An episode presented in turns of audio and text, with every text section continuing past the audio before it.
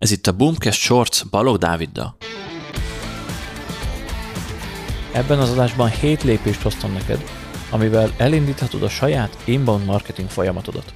Az fontos, hogy ez csak egy egyszerű példa lesz, nem feltétlenül húzható rá minden vállalkozásra így egy az egyben, de szerintem arra tökéletes, hogy meglásd, hogy hogyan működik egy ilyen inbound marketing folyamat.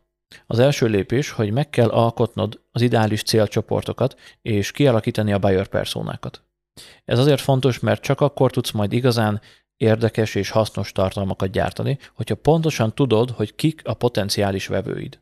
És itt nem csak arra kell kitérni, hogy a 20-30 közti fiatal anyukák, hanem a különböző apróságokra, amire más nem figyel.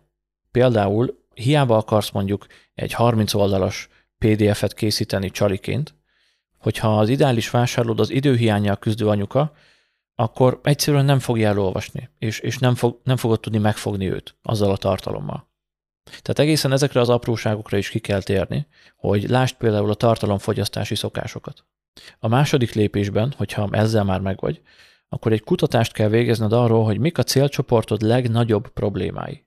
Ezeket azért kell összegyűjtened, mert ezekre tudod majd alapozni a cikkeidet, a tartalmaidat.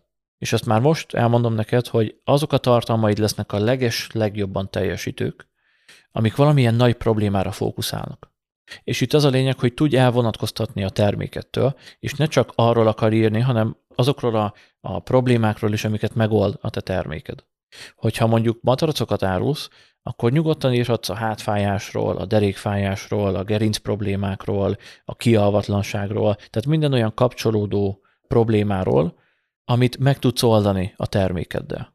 Egyébként a vásárlói útvonalakat érdemes kidolgozni, erről is csináltunk korábban podcast adást és egy cikket is, ezt belinkeljük az adás alá. És ha ezzel is megvagy, akkor a következő lépés, hogy ki kell találnod, melyik lesz az az egy-két csatorna, amin aktívan is jelen leszel. Itt ugye most a social media csatornákra gondolok, és azért kell ezen a ponton kitalálnod, mert itt már tudod, hogy kit keresel, tudod, hogy milyen tartalomfogyasztási szokásai vannak, tudod, hogy mik a legnagyobb problémái, és akkor már azt is be tudod lőni, hogy ők milyen felületen vannak jelen, és hol érhetőek el. És ha ez megvan, akkor ki tudod választani, hogy oké, okay, erre és erre a csatornára fordítasz energiát, és leszel jelen hosszabb távon is. Ezután érdemes készíteni egy tartalomnaptárat, ahol nem csak a cikkeidet tervezed be, hogy mikor mi fog megjelenni, hanem mondjuk a közösségi média posztokat is. És ez azért tök jó, mert egybe látod akkor az egész kommunikációdat, például a social media posztokat, a cikkeket, a videókat, a podcast adásokat, és akár a hírleveleket. Van olyan ügyfelünk, akiknek ennyire kombináltan kezeljük ezt az egészet, és nagyon jó, hogy van egy felület, ahol átlátjuk, hogy mikor, miről kommunikálunk, és így egy igazi rendszer tud születni ebből. Ezután érdemes összeállítani egy ingyenesen letölthető csalit. Ugye ez a csali, ez a lead magnet, ahogy a szakma hívja, ez lehet bármilyen videó, e-book, esettanulmány, e-mail sorozat, tök mindegy, hogy milyen formátumban készül. Az a lényeg, hogy kapcsolódjon a témádhoz, és a potenciális vevőd, akit ugye az első egy-két pontban már belőttél, olyan formátumban készüljön el ez az anyag, hogy ő el tudja fogyasztani. És hogyha egy ilyet megterveztél és megcsináltál, akkor nagyon egyszerű, egy e-mail címmel cserébe felajánlhatod, letölti, és innentől kezdve ingyen el tudod őt érni. És itt jön képbe a következő pont, hogy érdemes egy lead gondozó kampányt is csinálod, ami általában egy e-mail marketing automatizmus szokott lenni. Itt már te döntöd el, hogy mennyire komplexen építed ezt ki, hogy mondjuk kap három e-mailt kétnapos eltolásokkal, ahol bemutatkozol és próbálsz neki eladni valamit, vagy próbálod egy következő lépés felé terelni.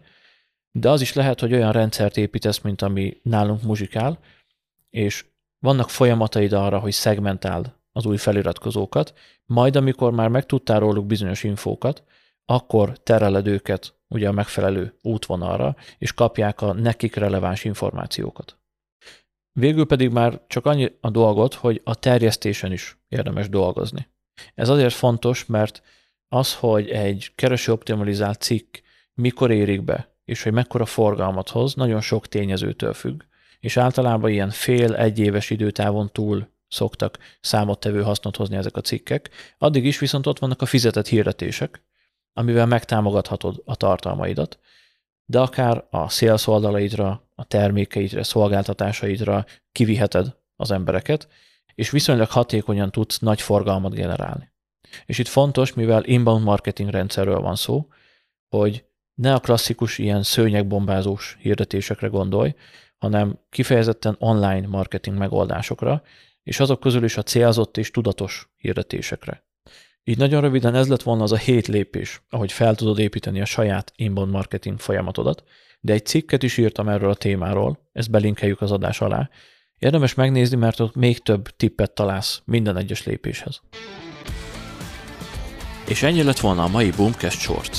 Ha még valamiért nem tetted volna, akkor iratkozz fel a csatornánkra, mert hetente három új Boomcast shorts fogunk jelentkezni. És érdemes belépned a zárt Facebook csoportunkba is, ahol akár személyesen velünk is beszélgethetsz, de kérdéseket is tehetsz fel, és a közösségünk tagjait is megtalálod.